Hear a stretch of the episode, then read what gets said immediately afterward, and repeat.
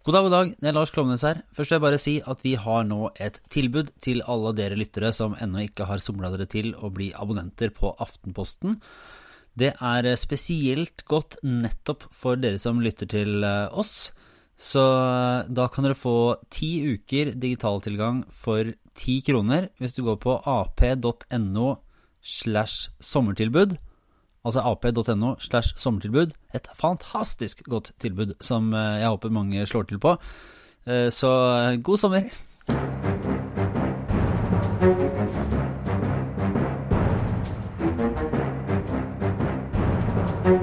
Ja, nei, men Da tror jeg vi er i gang med denne ukens Aftenpodden USA.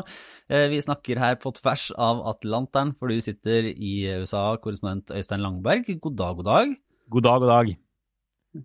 Nå jeg ser at eh, omgivelsene er litt annerledes. Eh, du er ikke i, eh, hjemme i, i, Brooklyn. Nå er du ute på veien i det store amerikanske kontinent. Ja. Det var jo litt sånn ideen da vi skulle lage den podkasten, at du skulle være mye ute rundt omkring og møte folk og se hva som skjer. Og så har det vært veldig mye hjemmekontor, men nå er du i gang. Ja, du skulle spørre meg hvor jeg er, og svaret på det har jo stort sett vært i leilighet på Frogner eller leilighet i Brooklyn. Men nå er jeg på et hotellrom i North Carolina. Nettopp. Så jeg er endelig ute på reportasjetur igjen, og det er utrolig lenge siden sist nå. Rett og slett. Er, det, er dette et sånn eh, Hvis du skal bare beskrive litt rundt deg, altså er du nå på, måte på veien? Er det et slags sånn motell? Er det et fint hotell? Er det mye folk som er ute og reiser om dagen, eller sitter folk inne og er redd for eh, koronavirus og andre ting? Ja, nei, Jeg er som sagt i North, Carolina. Jeg er et stykke nord for Charlotte, som jo er den største byen. Jeg vil si Dette er, sånn, dette er et slags veikryss her jeg er nå. Uh, så det er et veihotell. Men det er jo mange sånne veihoteller i USA. Uh, og sånne parker med liksom McDonald'ser og restauranter, og også hoteller som spredt innimellom. Så det er jo ikke, ikke, ikke sykt koselig akkurat her men et eller annet sted må jeg jo være. Jo, det er en del folk på veiene. Det er ikke sånn, er ikke sånn veldig lite biltrafikk nå. Uh, det har tatt seg opp igjen. Og disse statene her, da, dette er jo sørstat, har jo holdt det mer åpent også, hele veien, enn en, en, uh, de statene lenger nord. Men det er fortsatt sånn at du kan ikke sette deg ned på McDonald's her, inne på restauranten. Du må, ha, du må ta takeaway. Eh, så det er en del restriksjoner, og det er ikke mye folk på det hotellet her, f.eks. Og du får da ikke buffé, frokostbuffé. Nei, og da er halve poenget borte med å være på et sånn uh, hele, poenget, eh. hele poenget borte. I går var det faktisk, dette er, jo, dette er jo det ekte USA da, i forhold til der jeg egentlig bor. I går var det sånn at jeg skulle ut og ha meg en, en donut mens jeg satt og skrev på en sak inne på hotellrommet her. Uh, jeg har vært ute og møtt folk òg, altså. Jeg har ikke bare sittet på hotellrommet. Og da var det sånn at denne, denne Dunkin Donuts ligger altså 20 meter utenfor hotellet.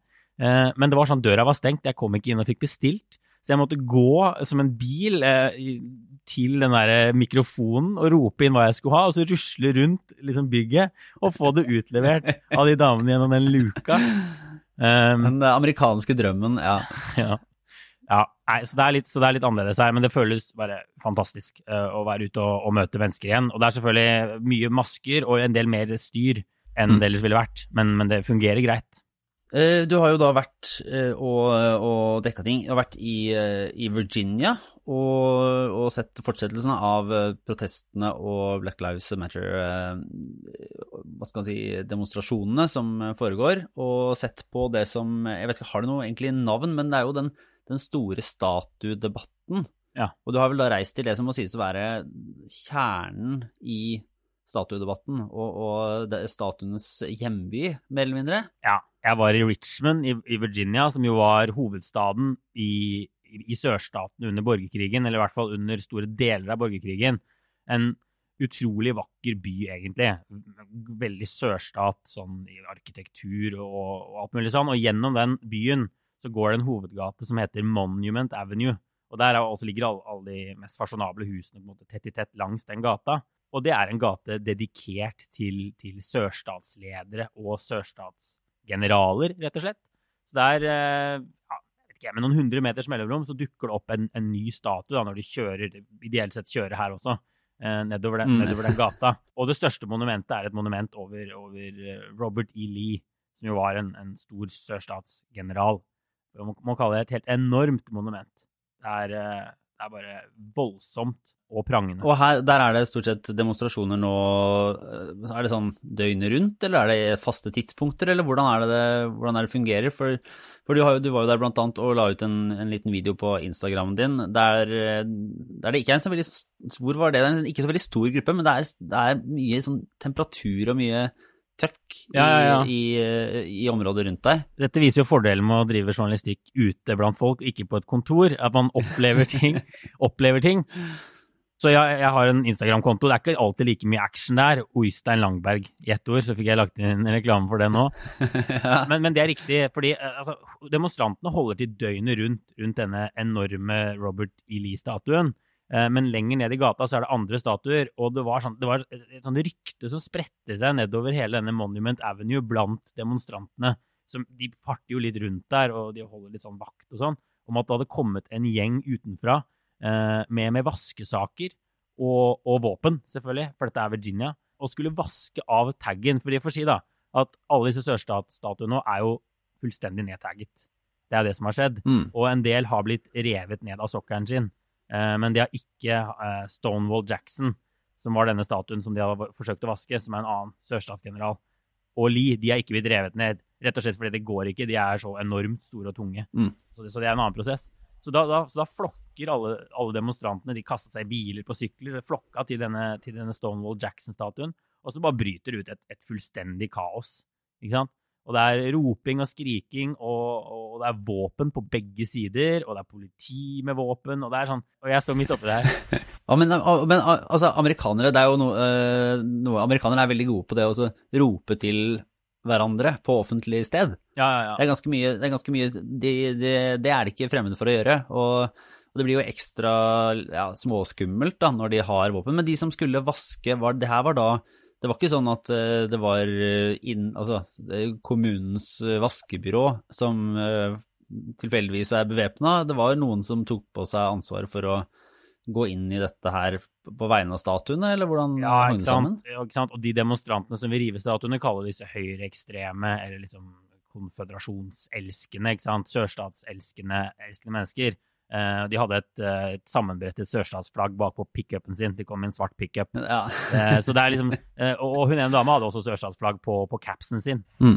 Så det er på en måte ingen tvil om hvor de står. De, vil, de syns dette har vært en skjending av statuen. De vil liksom gjenopprette storheten til, til Stonewall Jackson.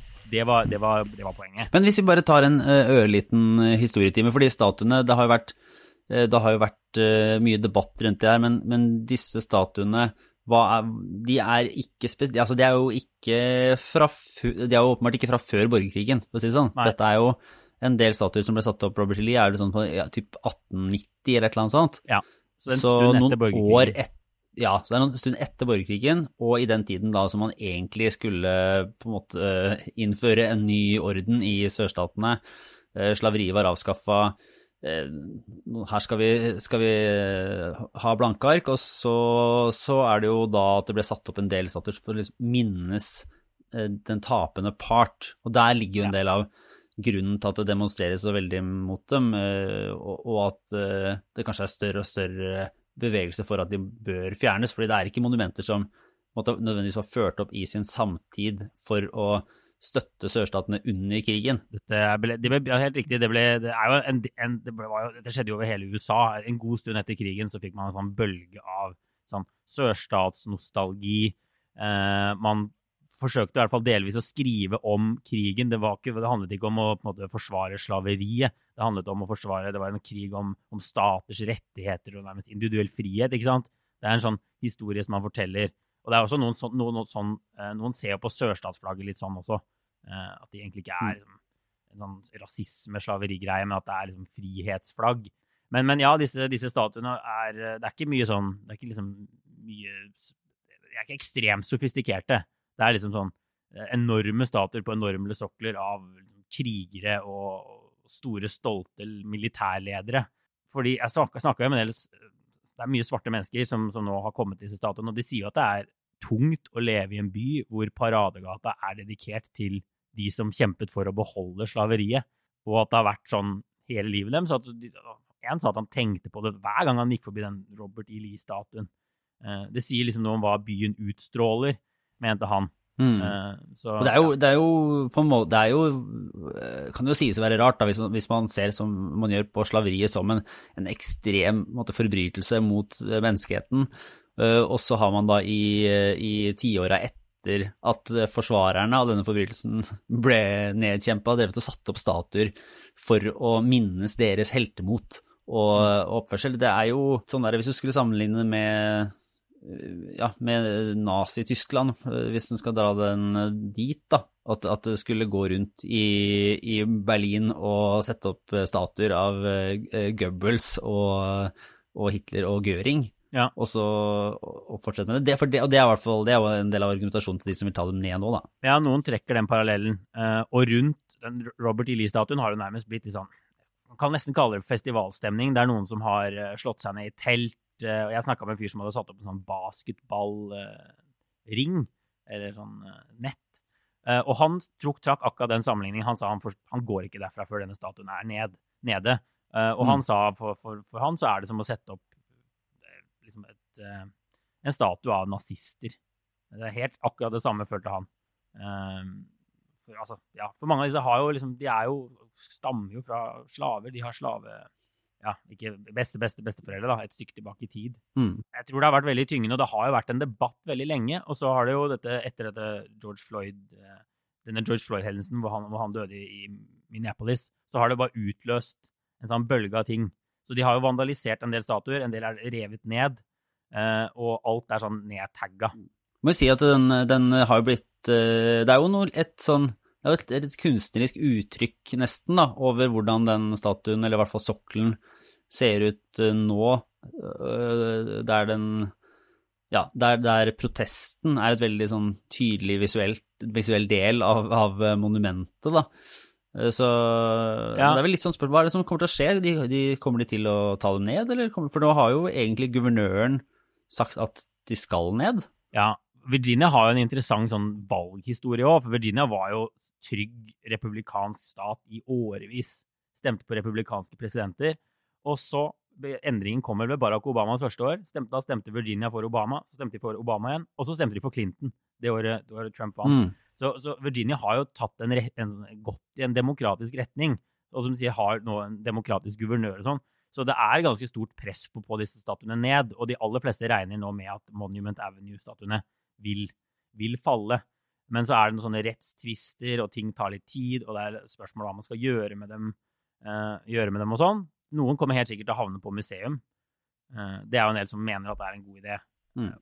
Eller lage sånne parker vi har sett i sånne gamle østblokkland, som sikkert en del har vært i, hvor du samler all, all sovjetskramle, på en måte i en park. mm. Og så kan du gå og se på det, og så endres konteksten. Du er ikke i Paradegata lenger, men du kan se på hvordan, eh, hvordan man bygde ting i Mm. sovjettiden. Da. Man fjerner ikke historien fullstendig.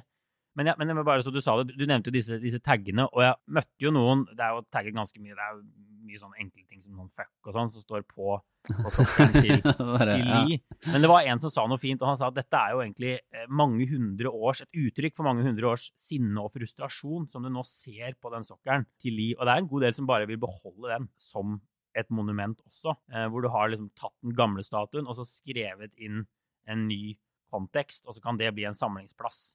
Og det er jo sånn at Mm. på kveldene så, så er det sånn at vi, vi bruker sånn prosjektor og, og setter opp bilder av frihetskjempere da, på, på den svarte siden på statuen av Lie, som også er ganske sånn sterke uttrykk.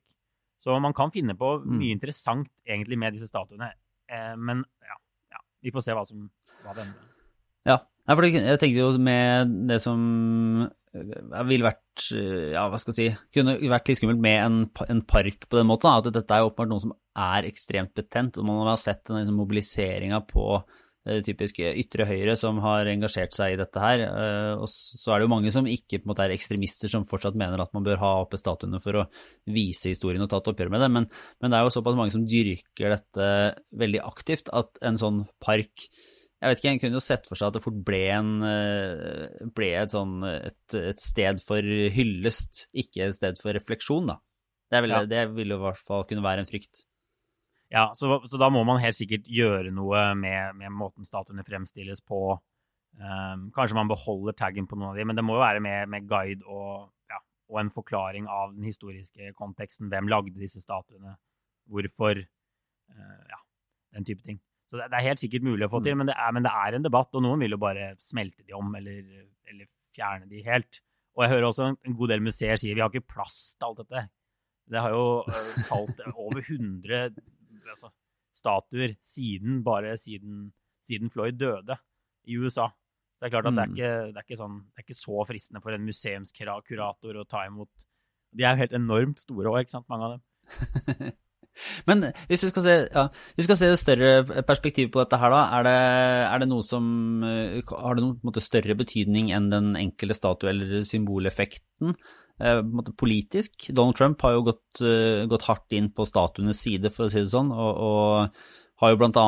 Uh, retweeta noen sånne wanted beskjeder, altså etterlysninger, av noen av de som var med å, rive ned statuer i Washington DC. Og, og på en mm. måte, han spiller jo åpenbart høy, uh, hardt på at på motstanden mot å rive disse statuene, og, og ønsket om å bevare de. Er det noe som eh, kommer han til å eh, presses til å endre syn? Det er vel kanskje et uh, naivt spørsmål etter fire år, men, men er det, hva, blir, hva er den større politiske debatten rundt der? Ja, nei, Det er jo flere debatter. En ting er jo det å ta de ned uten en demokratisk prosess, som jo mange er imot, og som man kan være imot selv om man mener at disse statuene bør gå ned. Og da sier jo demonstrantene at vi ville aldri fått til denne endringen. Vi har jo forsøkt den demokratiske prosessen i årevis, det har ikke funka dette var måten. Ta et mm. par ned fra sokkelen, og så får vi i gang en debatt. Og så er det nok en del som, som kan være for at disse sørstatsgeneralene, i hvert fall når de er så dominerende i en gate, bør rives, men som, som synes at den, tingene går litt langt. Og der kan godt hende Trump treffer liksom bedre i deler av folkesjela, da, når det f.eks. kommer til å fjerne andre statuer. Christoffer Columbus er det kanskje færre som vil fjerne, da, selv om det har jo gått ned ganske mange Christoffer Columbus-statuer òg. Selv om han ikke hadde noe med borgerkrigen å gjøre, selvfølgelig. Det var jo lenge før det. Og så er det jo debatter om, om, Lincoln, Ulysses Grant, som var på andre siden i borgerkrigen, eh, som kjempet for nordstatene. Og, og, der kan det godt hende Trump treffer litt bedre. For der tror jeg en god del synes at liksom, ytre venstre da, har, har gått, gå for fort frem. Det var en statue av en mm. nordmann som fikk ganske mye oppmerksomhet vet jeg, hjemme i Norge Eh, blant annet en statssekretær. Ja, ja, som var en, en, en nordstatssoldat, uh, eller var involvert på, altså, i kampen mot slaveriet. Ja. I hvert fall sånn det ble formidla i Norge. Hans Christian Heg. Ja, han sto utenfor, uh, utenfor uh, parlamentet, da, eller statskapitolen i, i, Wisconsin, og endte opp i en elv. Og det er jo sånn som, som, mm. som ryster folk, folk, en del.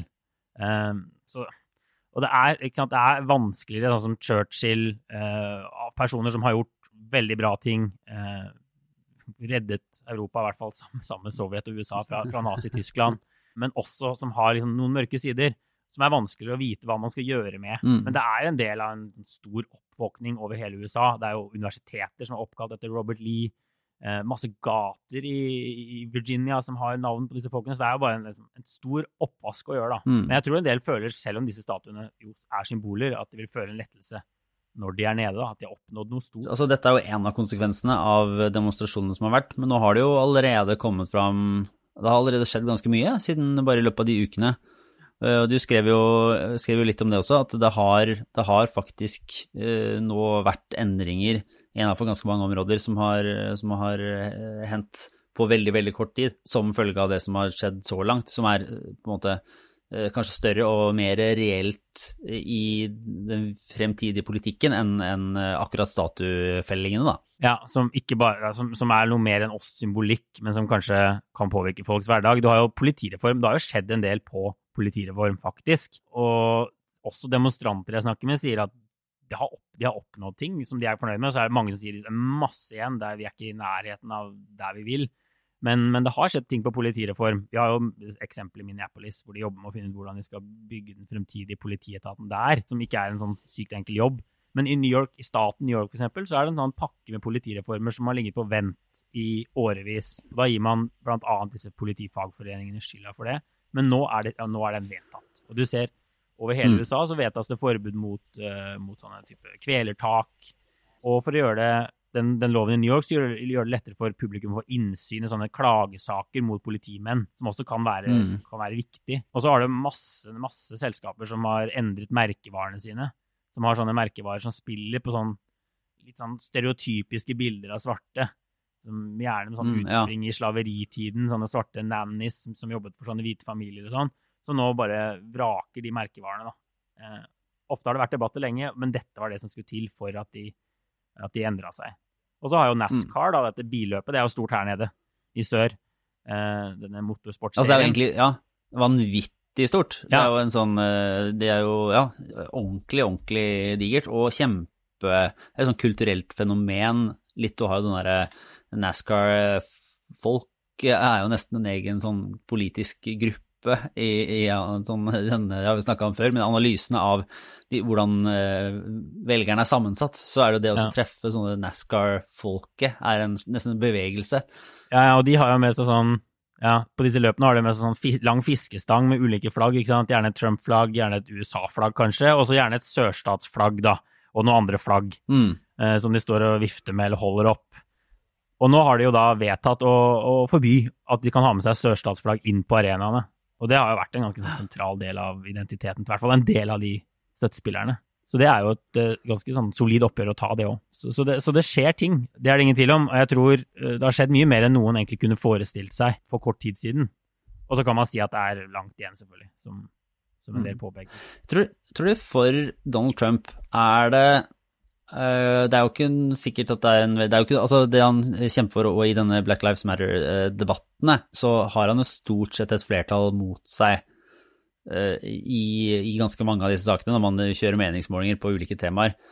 Men er det på en måte egentlig en fordel for ham likevel å få debatter som handler om statuer, flagg, de tinga, enn å bli tatt eh, ordentlig på koronavirus-saken, som nå ligger, uh, ligger under der, men og utvikler seg i egentlig ganske dårlig retning? Eller er det, Ja. som er, sånn, det er bare to uheldige saker som tilfeldigvis kommer på, på rekke og rad, og Trump klarer ikke å vri seg fra den ene til den andre uansett?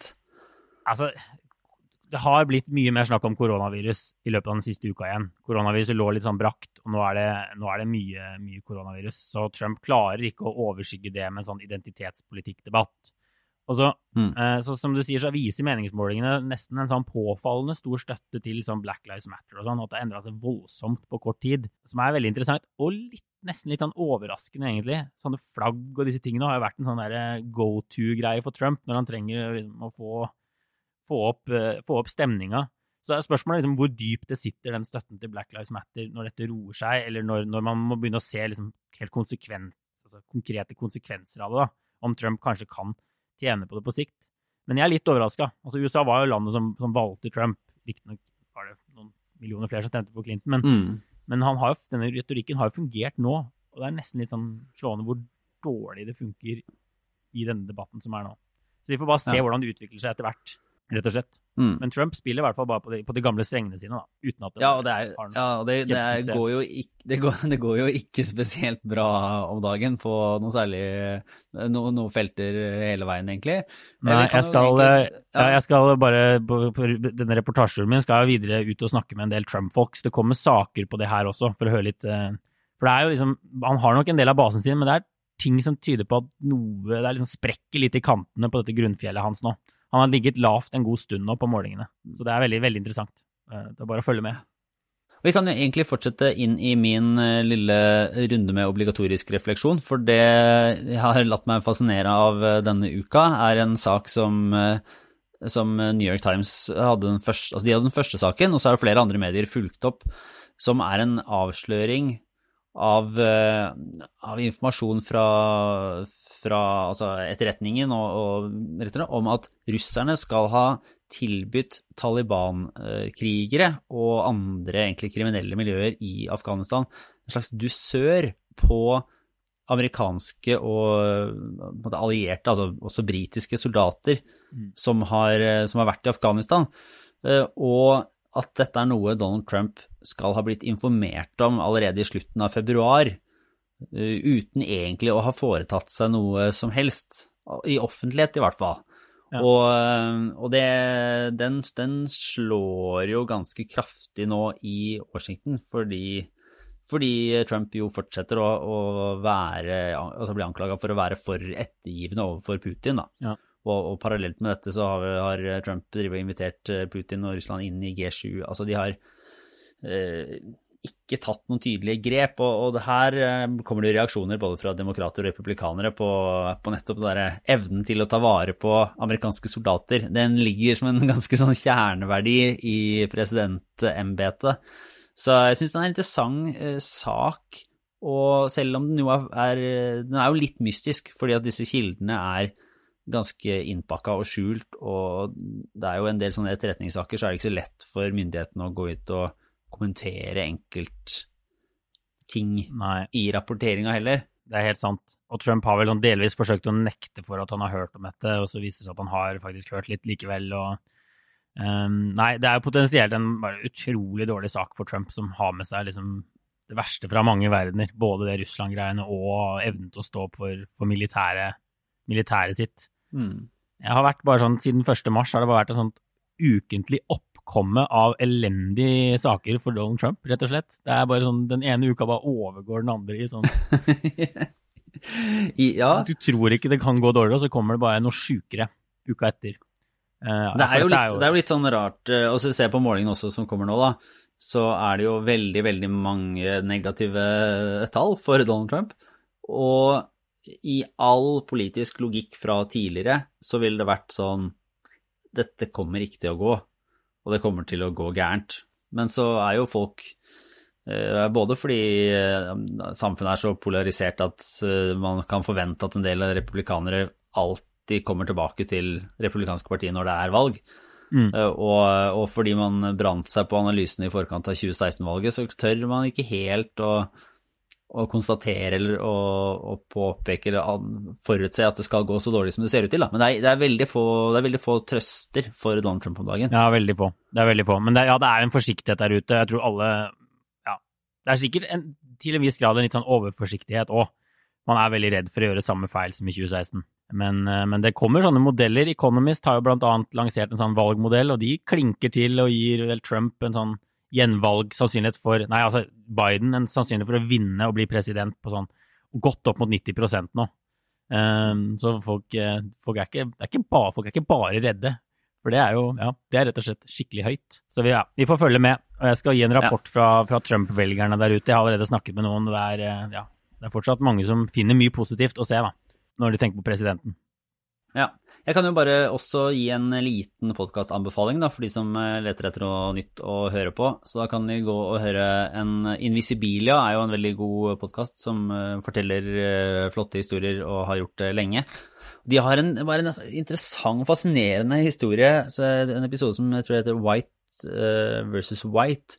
Som er en, fra et politisk miljø i en by i California fra 80-tallet der en, eh, en, som eh, blir innvalgt, havner i en slags kontrovers fordi eh, det blir spørsmål om han faktisk er svart, og, og han skal representere et, et, et, område som, som, er dominert av, av afroamerikanere. Og så er spørsmålet hva er egentlig å være svart, og kan, er det noe man kan bløffe seg til, er det noe man kan ta på seg, er det greit å gå inn i og på en måte delta så mye i et miljø, og ja, hva er det som egentlig skal til, da. Som er en eh, fascinerende, ganske morsom historie, og rar historie, som, eh, som kan være, være gøyal å høre. Den, altså Invisibilia med White versus White, tror jeg heter. Så det kan være en liten lytteanbefaling her på tampen. Og du Øystein, er det det er vel en slags podkastanbefaling. Ja. ja, det går, det går, å tenke på mye, men det er en slags podkastanbefaling, dette òg, fra Det er jo Pod Save America. Vi har jo nevnt de flere ganger før her. Som er altså disse gamle Obama-rådgiverne som starta et medieselskap. Og de har laget en, en, en, serie nå, jeg tror bare episode én har kommet ut, jeg tror episode to snart kommer, om vi, valg av visepresident og den prosessen med å finne en visepresidentkandidat i USA. Og jeg har også skrevet en sak om dette selv før den, før den podden kom ut, faktisk. Eh, for det, det, kan man si veldig mye interessant om, eh, og i den saken min så, så siterer jeg en tidligere senat, demokratisk senator som har vært gjennom den prosessen flere ganger før, og som tapte på målstreken for Joe Biden i 2008, da Biden ble Obamas visepresident. Og han sier at den prosessen det er som å ha en koloskopi, bortsett fra at de bruker romteleskopet Hubble på deg. Og det kan man se for seg at sikkert er ganske vondt. uh, å få opp i, opp i tarmen. Og, og, og, det er rett og slett bare en helt sånn vanvittig granskningsprosess de må, igjen, må igjennom. Uh, jeg tror en sånn tidlig Obama-rådgiver har uttalt at, at de er blant klodens aller mest granskede personer, disse visepresidentkandidatene. Og man vet ofte mer om dem. De blir ganske tettere enn presidentkandidatene.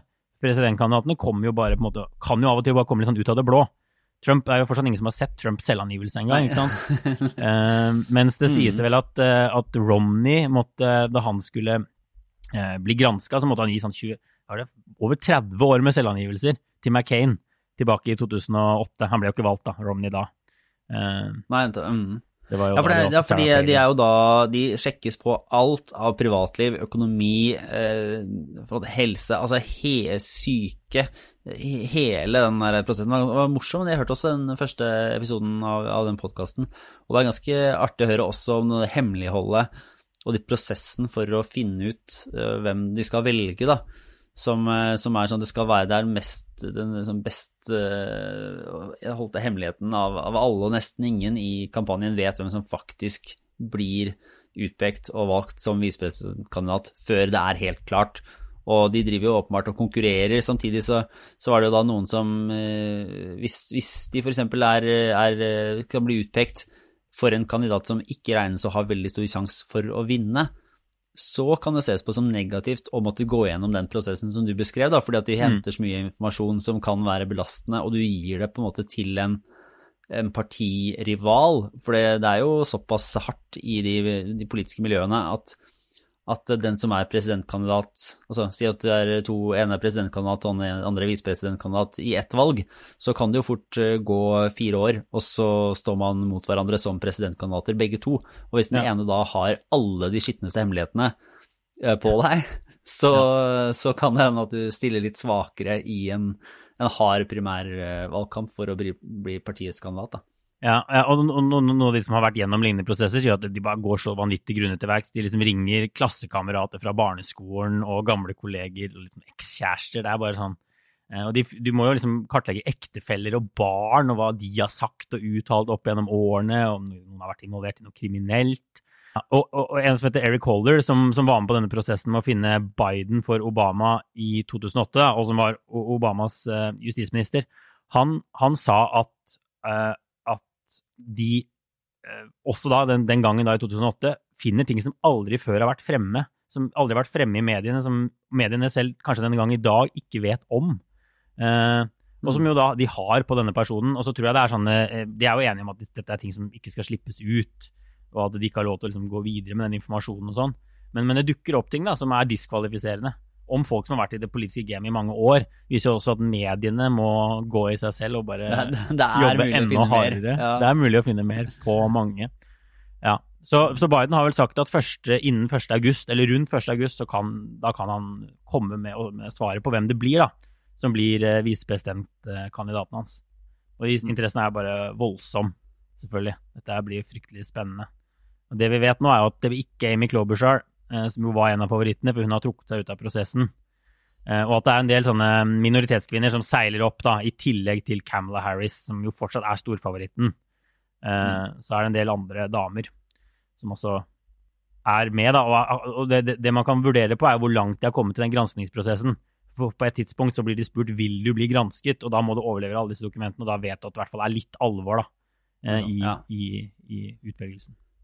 Og så er det vel, det ble jo nevnt der på et punkt at det kan være en fordel for Joe Biden å holde dette sirkuset litt sånn i gang, fordi at det, det er noe som spiser oppmerksomhet og, og, gjør at man er interessant for mediene, og at de kanskje bruker mer tid på å leite etter hvem som blir visepresidentkandidat, enn å ja, begynne med annet uh, trøbbel som mediene fort kan komme, komme opp med. da. Ja, ja, eller når og, Biden legger fram en eller annen plan for et eller annet av økonomi, eller Det er vanskeligere å få mediene til å skrive om det, men dette visepresidentgreiene mm. er det jo veldig lett å engasjere seg i. Eh, nettopp. Ja, men jeg tror vi runder av for denne gang, Øystein. Eh, du skulle videre til, eh, altså til Trump-land. Det er det som, neste, det er det som er de neste dagene? Ja. Nå skal jeg snakke med både, både liksom lokale republikanere, som er leder for noen lokallag, eh, og høre litt hva de tenker. Og, og skal jeg reise ut på noen Jeg skal prøve å finne noen sånne sånn vippete velgere som kanskje er litt i tvil, og skal jeg finne noen som, som ikke er i tvil, og høre litt hva de tenker da om, om hvordan han har håndtert koronavirus, alle disse tingene. Som gjør at han ligger såpass dårlig an nå. Ja, men Det er veldig fint. Det er bra at du kommer deg ut av Brooklyn, Øystein, så ikke, det ikke blir en sånn bare, bare storbybobla, men får, får dekka litt av det ordentlige eller i hvert fall det andre USA også. Og så er vi tilbake med en norsk utgave, man kan kalle det, av Aftenposten her i, i, slutten av uka. Med i hvert fall Trine og meg og Kjetil, tenker jeg. Sara Sørheim er litt på ferie og litt på jobb, så vi får se hvordan det ender opp. Uh, nei, også, vi, vi, tenker vel at vi i løpet av sommeren skal ha en liten slags spesialutgave. Og for å være, være veldig moderne og på og uh, snakke med dere gode lyttere, så tenkte vi at vi kunne ha en episode der vi svarer på litt ulike spørsmål og, og tar opp ting som dere lyttere syns det er interessant å, å, få vite mer om. Eller eh, ja, jeg skal ikke påstå at vi kan absolutt alt om dette her, men som vi kan eventuelt sette oss inn i og, ja. og diskutere litt da, av ting som skjer i USA. Ja, det kan jo være valg, men også alt mulig annet rart, egentlig. Av det vi pleier å snakke om. Ja, ikke sant. Litt forskjellig, men som, eh, som blir litt annerledes, og som, eh, som kan være ålreit. Så vi kan jo bare be alle om å eh, ta kontakt, enten på Facebook-sida til Aftenpodden, eller så kan de jo sende en eh, e-post, enkelt og greit, f.eks. til meg på larsmg eh, at aftenposten.no. Og så ser vi hva det blir av. Det blir vel da en gang om en, et par ukers tid, tenker jeg, så vi får litt tid til å få inn eh, spennende, spennende spørsmål og tenke oss om på hva vi syns det er morsomt å prate om. Yes. Men uansett, takk for nå, Øystein. Det var veldig bra. Vi snakkes. Dette var Aftenpodden. Ha det godt. Ha det.